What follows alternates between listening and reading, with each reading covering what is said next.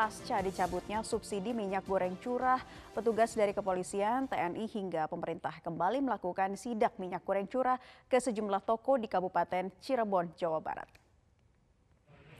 Dari hasil sidak, petugas menyebut stok minyak goreng curah sejauh ini masih aman.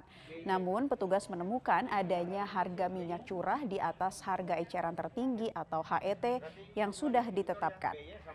Sidak ke sejumlah agen maupun distributor minyak goreng masih akan dilakukan guna memastikan ketersediaan dan harga minyak goreng sesuai dengan HET.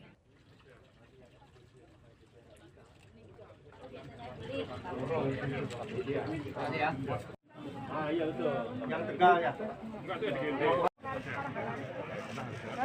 Biasanya jual Kira berapa? 63. Makasih Bu Haji. Ada-ada ininya minyak yang gini. Sementara itu, satu hari pasca pemerintah mencabut subsidi, harga minyak curah di pasar tradisional Kabupaten Polewali Mandar, Sulawesi Barat terpantau stabil. Di Pasar Baru Polewali Mandar, pedagang menjual minyak curah dengan harga normal sesuai dengan HET, yakni Rp14.000 per liter atau Rp16.000 per kilogram. Untuk minyak dalam kemasan botol ukuran 600 ml dijual seharga Rp10.000. Sementara untuk botol ukuran 1,5 liter dijual dengan harga Rp25.000. Menurut pedagang, meski pemerintah telah mencabut subsidi minyak curah, namun kebijakan ini tidak mempengaruhi penjualan. Sejauh ini pasokan dari tingkat distributor masih aman sehingga pedagang tidak menaikkan harga.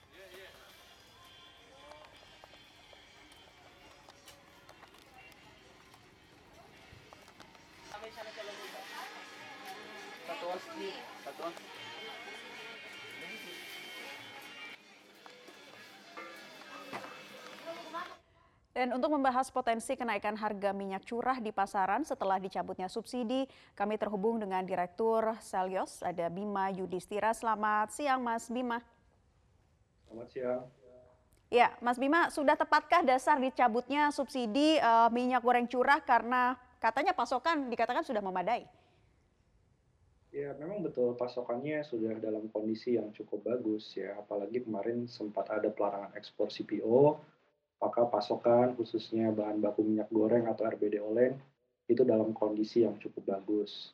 Kemudian dari sisi permintaan pasca lebaran tentunya sudah mulai turun lagi permintaan karena puncaknya pada waktu mudik lebaran kemarin. Nah, tetapi terkait dengan masalah pencabutan subsidi minyak goreng, ini sebaiknya pemerintah harus lebih hati-hati.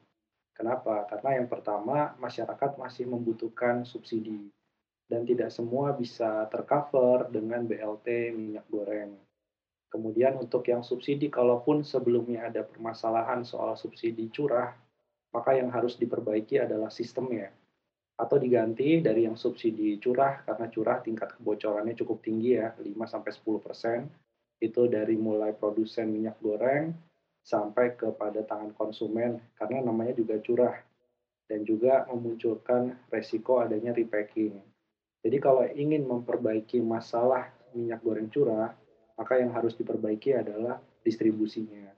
Dan disarankan mengganti skema subsidi dari curah menjadi minyak goreng kemasan sederhana. Sehingga ini lebih pas, lebih tepat tetap diberikan subsidi. Karena kalau dilepas begitu saja dan diserahkan kepada DMO DPO, ujungnya akan memunculkan masalah yang sama seperti kebijakan DMO sebelumnya, yaitu masalah kepatuhan. Berapa banyak pengusaha minyak goreng akan patuh menjual di bawah HET. Kemudian apakah pemerintah juga bisa memastikan di level produsen harganya misalnya 13.000, tetapi sampai ke level masyarakat apakah bisa 14.000? Padahal setiap titik distributor itu ada margin keuntungan yang dinikmati oleh para distributor dan memang sekali lagi kalau yang jadi acuan adalah curah maka akan sulit eh, dan justru bisa menimbulkan kenaikan harga pasca pencabutan subsidi. Atau kalau harganya tidak naik, pasokannya akan berkurang.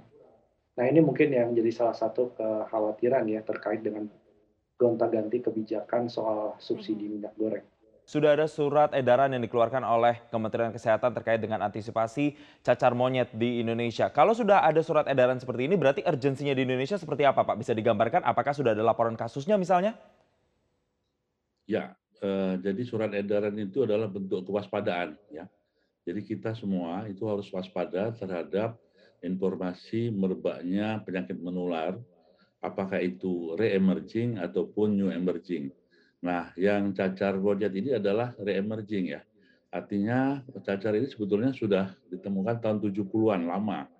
Ya di daerah Afrika Selatan, di sana Kongo, Nigeria, Liberia, Ghana itu eh, ada dan sekarang itu mulai merebak tadi disebutkan di tiga eh, daerah WHO dengan 24 negara saat ini di Eropa, Amerika termasuk di Australia. Nah, karena ini adalah lintas negara dan ini adalah penyakit penular, maka semua negara seharusnya harus waspada, termasuk kita semua. Waspada di tingkat deteksi maupun waspada di tingkat penularannya dan juga waspada di dalam penanganannya nanti. Baik, uh, untuk penyebabnya sendiri Pak Syahril bisa dijelaskan kepada masyarakat ini seperti apa dan kemudian moda penularan virusnya seperti apa Pak? Ya, ini adalah penyakit zoonosis sebetulnya ya. Zoonosis itu adalah penyakit yang bersumber dari binatang atau hewan. Baik itu pengerat dan maupun monyet yang saat ini. Makanya disebut dengan cacar monyet ya. Jadi penularannya ini adalah kontak langsung. Jadi eh, seseorang atau itu ketemu dengan orang yang sedang kena cacar air, kan itu cacar itu ada di sekitar muka ya, lesinya itu cacarnya ya, kemudian di badan, kemudian di tangan. Nah, apabila itu bersentuhan kepada orang lain atau eh, pasien tadi mengenai sesuatu barang, contohnya selimut, handuk, bantal dan dipegang oleh orang lain, itu juga menjadi suatu sumber penularan. Mhm. Nah, itu yang jadi sumber penularan yang harus kita waspadai. Baik. Kemudian uh, ikut dengan gejalanya, Mas ya. Jadi gejalanya ini ada gejala awal ya, prodromal namanya ya. Itu uh, ditandai dengan uh, demam tinggi ya, di atas 38 derajat, kemudian sakit kepala yang hebat juga, dan yang khas pada cacar monyet ini adalah ada benjolan di sekitar leher, kemudian di ketiak maupun di selangkangan, yang disebut hmm. dengan limfadenopati itu hmm. tahap awal ya sekitar 5-6 hari. Nah apabila dia berlanjut maka akan mulai timbul ruam-ruam, lesi ataupun lecet lah semacam itu di muka yang kita dulu pernah kenal dengan cacar, di tangan, di seluruh tubuh. Nah itulah eh, jadi sumber penularan. Nah itu sekitar eh, 20 harian muncul eh, inkubasi Baik. sampai ke lesi. Pemirsa Korlantas Polri memastikan pergantian plat nomor putih dilakukan secara bertahap. Jadwal pergantian menyesuaikan masa berlaku tanda nomor kendaraan bermotor atau TNKB. Sementara biaya ganti plat nomor putih tak ada tambahan. Dan berikut liputan Soza Hutapea dan juru kamera AD Permana.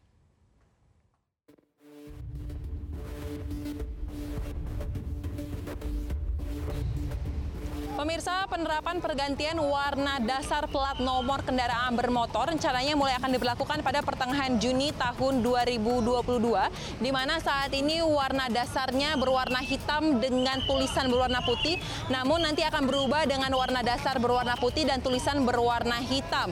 Dan ternyata kebijakan ini telah mengacu kepada peraturan kepolisian nomor 7 tahun 2021 tentang registrasi dan identifikasi kendaraan bermotor. Lalu untuk skema penggantiannya, disebut akan dilakukan secara bertahap di mana prioritas utama ialah kepada kendaraan baru serta juga kepada kendaraan yang sudah waktunya untuk melakukan pembayaran pajak wajib lima tahunan dan juga penggantian dari uh, kaleng nomor kendaraan bermotor. Lantas pemirsa seperti apa tanggapan dari masyarakat terkait dengan kebijakan ini? Berikut kami rangkum untuk Anda. Kalau menurut saya sih ya, uh, ini hal yang positif ya uh, juga memudahkan. Mungkin uh, untuk uh, dirubah plat ini salah satu cara untuk uh, lebih bisa membantu pihak-pihak yang berwajib juga untuk penanganan tilang. Uh, karena kan sekarang ya zaman sekarang orang-orang banyak yang uh, menduplikat-duplikat juga uh, plat nomor gitu kan. Karena kalau udah dirubah gitu kan mungkin ya mungkin orang akan uh, lebih susah untuk menduplikat itu lagi gitu. hal curang. Ya hal curang gitu, okay. gitu sih. Uh, kalau untuk hal itu bagus ya kebijakan, cuma mungkin sosialisasinya aja ke masyarakat gitu.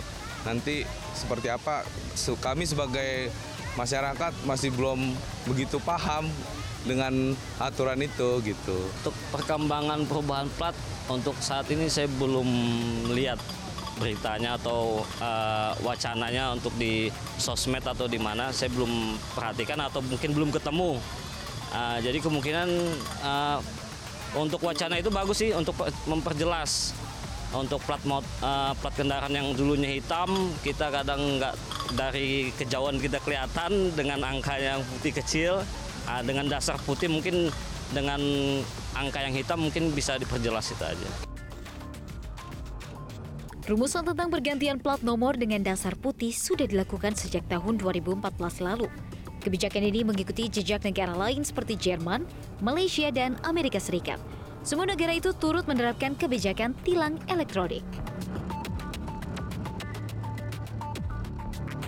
Pemirsa tidak perlu khawatir terkait dengan rencana penggantian warna dasar plat nomor kendaraan ini karena pihak kepolisian menyebut nanti proses penggantiannya tidak akan dibebankan kepada masyarakat alias masyarakat gratis untuk dapat mengganti warna dasar plat nomor kendaraan bermotornya termasuk tidak perlu khawatir akan ada perubahan dari uh, biaya PNBP atau penerimaan non pajak.